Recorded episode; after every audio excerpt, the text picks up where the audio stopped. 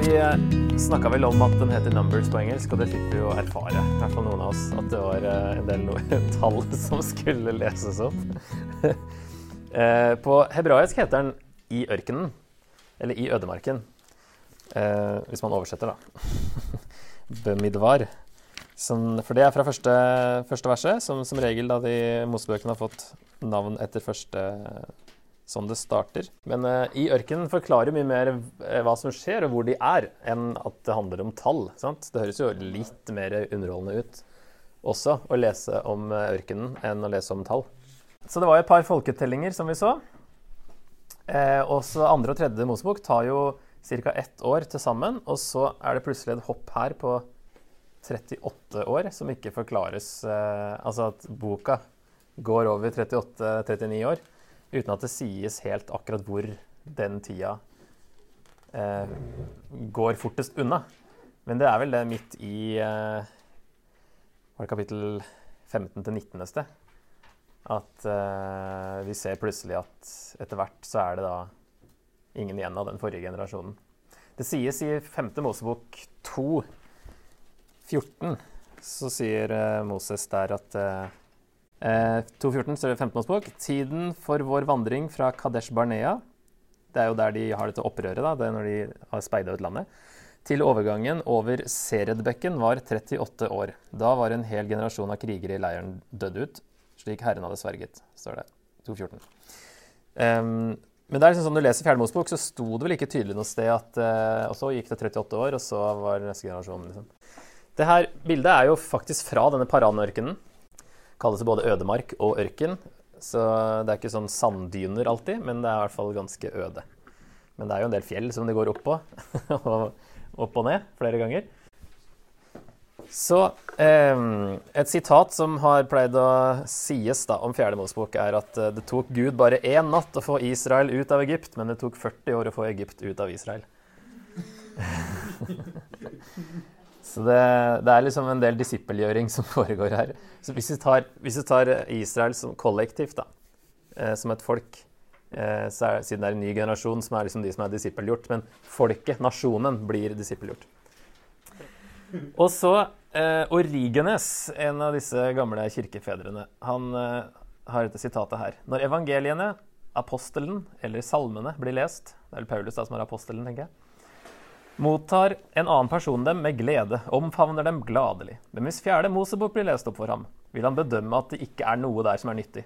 Ikke noe som kan være et middel for hans svakhet eller til hjelp for hans sjels frelse. Han ville hele tiden spytte det ut som tung og belastende mat. Selv mente han var en vanlig tolkning. Han sjøl fant jo veldig mye i Fjerde Moseboken. Han hadde òg det som kalles allegorisk tolkning. Da. Han så veldig mange åndelige sannheter i rent beskrivende hendelser som kanskje var eh, overtolkning. Men eh, han mente i hvert fall at på hans tid allerede så var han ikke så veldig opptatt av Fjerde Mosebok. Mente at der var det ikke noe nyttig. Men Paulus på den annen side sier i 1. Korinterbrev 10 disse hendelsene er advarende eksempler for oss. De skal lære oss ikke å ha lyst til det onde, slik de hadde. Det som hendte med dem, skulle være til advarsel. Det ble skrevet til rettledning for oss. Så Paulus finner veldig mye nytte i det som står om denne generasjonen i ørkenen. At det er skrevet til rettledning for oss. Lære oss til ikke å ha lyst til det onde. Så det er jo advarende eksempler, dette her. Eksempler å ikke følge.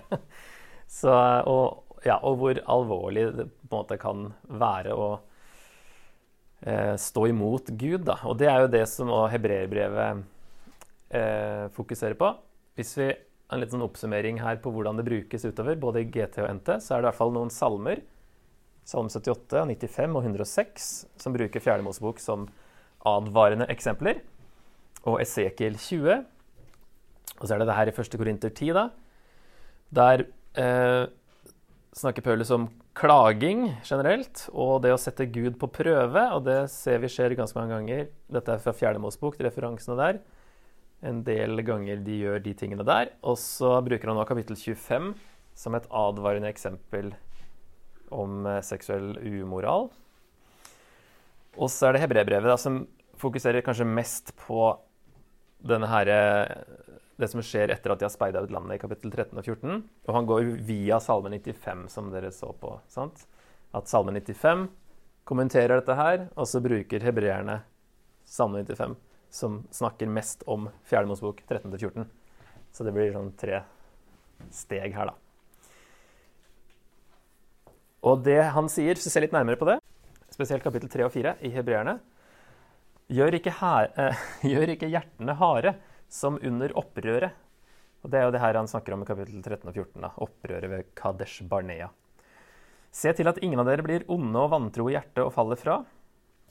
Så ingen av dere skal la seg bedra av synden og bli forherdet, så ingen faller fra på grunn av samme slags ulydighet. Så han bruker dette som et advarende eksempel, sånn at de ikke skal eh, gjøre seg harde for Guds eh, ord, Guds røst, som kaller igjen. ikke sant? Og at de holder på å eh, eh Ja, og altså hans lesere da, eh, holder kanskje på å begå et, noe lignende opprør mot Gud når de tenker at de går tilbake til jødedommen. Um, og pga. hvordan det brukes i Nytestamentet, og også litt større ting som vi har sett på, som vi kan ta en liten uh, kikk på igjen, så kan vi kanskje si at dette her med Israel i ørkenen det peker fram på menigheten, hvis vi skal prøve å aktualisere dette her med en gang. Um, israelittene har vi jo sett nå i deres historie. ikke sant? Så er de først blitt befridd fra Egypt ved Moses. Så går de gjennom vann. Og i 1. Korinter 10, da, som vi var innom nå, så sier Paulus i vers 2 at de ble døpt til Moses i skyen og i havet. Så blir de gjort til Guds folk i den, det som vi kaller den gamle pakt nå. Og de har fått Guds lov. Og så er de nå på vei mot det lovede landet. Og hvis vi ser om vi finner noen paralleller til menigheten da, i Nytestamentet Hva er den nytestamentlige parallellen til eh, Eller det som utgangen fra Egypt pekte fram mot? Befridd fra synd, eller ja, slaveri av Jesus, og som Matteus eh, fremstiller som den nye Moses. Sant? Sånn at det, det er mange ting i Matteus da, som kobler sammen nå de her to historiene. Ok, og så Når Paulus da faktisk bruker ordet 'døpt' om at de gikk gjennom Sivsjøen, så er det jo en veldig grei link til at vi jo er døpt etter at vi har befridd, eh, befridd fra synd. Ok, Og så, etter vi da eh, har kommet til tro og blitt eh, døpt, så blir vi gjort til Guds folk i da den nye pakt. Og så har vi også fått Guds lov, men vi har fått den på en annen måte. Vi har fått den ved ånden, ved at den er skrevet på hjertene våre osv. Fått den i det indre. Og så kan vi jo si at vi er på vei mot det lovede landet som hebreerne kaller for hvilen. Den hvilen som Josva ikke fikk de inn i her, det fysiske landet, det er et bilde på den hvilen som Jesus bringer, som er en, en hvile som overgår den hvilen de kunne få her da, i, under Josva. Eh, også hvis vi, hvis vi, ser på det på den måten, da, så kan vi jo si at ørkenvandringen kan ses på som et bilde på hele den kristne vandringen fra forløsning, altså punkt én, til den endelige frelsen som skjer når man har liksom kommet inn i det lovede landet. Så vi er på vei Vi er jo ikke frelst uh, ennå før vi enten dør eller Jesus kommer igjen, men vi er på vei mot uh, frelsen. Og hebreerne lager et poeng at uh, det er jo mulig å falle fra før du har kommet inn. ikke sant? Og så advarer han dem med å si 'ikke gjør som de her i ødemarken'. De var på vei mot sitt lovede land og hadde ikke tillit til Gud, da. Jeg syns Gud eh, ikke får eh, så mye kred som han bør da, i Fjerde bok. at eh, han er virkelig trofast, og han får dette folket gjennom. De er så utrolig motvillige at det er helt latterlig. altså, og hver gang, hver gang eh, Gud dømmer dem for dette obsternasie opplegget, så, så, er han også eh, barmhjertig. Jeg har et punkt på det etter hvert. Og ofte så er det Moses Ja, men OK, eh, ikke gjør det, da. Nei, OK, greit, liksom. at Moses går i sånn forbønn gang på gang, sånn som han også gjorde etter gullkalven. Og Gud liksom OK, greit. Eh, men at han eh, Vi har liksom bilde av at Gud er så streng og merkelig her i, i eh, Fjerde Mosebok. Men eh, da tror jeg ikke vi har fått hele bildet. At han er trofast, det er et viktig poeng å få fram her. Utover det her, da, at det kan være sånn helhetlig kristne vandringen. Det her med å være på vei gjennom en ørken, på en måte, til det lovende landet. Så kan jo ødemarken være et mer konkret bilde også, som det brukes i Bibelen. Um, det er et sånn tvetydig bilde, da, for det er, det er liksom både livstruende og farlig å være i ørkenen, men det er også trygghet fra fiender. Sånn som israelittene var trygge fra Egypt. David rømte ut i ørkenen fra Saul. Elia fra Jesabel, onde dronninga som ville drepe alle profetene. Da stikker du ut i, i ørkenen, hvor Gud forsørger og åpenbarer seg for dem alle, egentlig. Um, et sted hvor man kan oppleve både godt og ondt. Og sånn er det jo litt å være i en sånn ødemark, eh, sånn åndelig ødemark òg. At uh, du kan lære en, lære en, god del av å være der, men det er ikke noe gøy å være der. Um, klaging, opprør og straff, eller lære å stole på Gud. Modning og lærdom eller undergang og død. Du ser jo kanskje mest av det negative i Fjerde Mosebok. da. Bortsett fra da den nye generasjonen som har lært av den forrige generasjonen. Men den første generasjonen lærer liksom ikke noe annet enn å De klager jo og gjør opprør hele tida. Så da kan vi også si at ørkenvandring kan ses på som et bilde på perioder i livet preget av åndelig tørke, ensomhet og prøvelser. Og da kan man jo aktualisere boka på flere måter, egentlig. Og hvis man føler at man er i en sånn åndelig tørke, så kan det jo kanskje være Det å lese Fjerde Mosebok vil gjøre, gi deg liksom noe helt annet enn det kanskje gjorde før. Så Fjerde Mosebok. Dette var egentlig en lang intro. Fjerde eh, handler jo om at folket går gjennom en smertefull prosess med testing. Skal vi lese et par vers fra 5. Mosebok der, der Moses snakker om, eller Gud snakker om hvordan, eh, eller hva han gjorde. I 5. Mosebok 8.2. Det er vel Moses som snakker der, ja. Du skal huske den lange veien som Herren din Gud førte deg disse 40 år i ørkenen, fordi han ville ydmyke deg og prøve deg og få vite hva som bodde i ditt hjerte, om du ville holde hans bud eller ikke. Og det fant han jo ut, at det ville de ikke, selv om de hadde inngått pakt og sagt ja da, det vil vi. Tre ganger tror jeg de sier det. Det vil de jo ikke det. Virker ikke som i noen stor grad. Og I vers 15-16 i 15. årsbok 8 så står det han ledet deg gjennom den store, uhyggelige ørkenen med giftslanger og skorpioner, et tørstende land uten vann. Han lot vannet strømme for deg fra harde fjellet. Han lot deg spise manna i ørkenen, en mat som dine fedre aldri hadde kjent til. Alt dette gjorde han for å ydmyke deg og prøve deg, og så gjøre vel mot deg til slutt. Der har vi litt sånn tolkning av eh, historien, hvorfor Gud gjorde det han gjorde. Det tar jo ikke 40 år da, å gå fra Egypt til det som nå er Israel. Um, to uker ville sikkert ha klart det hvis de bare hadde gått rett fram og stolt på Gud. Så det er ikke at de gikk seg vill, men uh,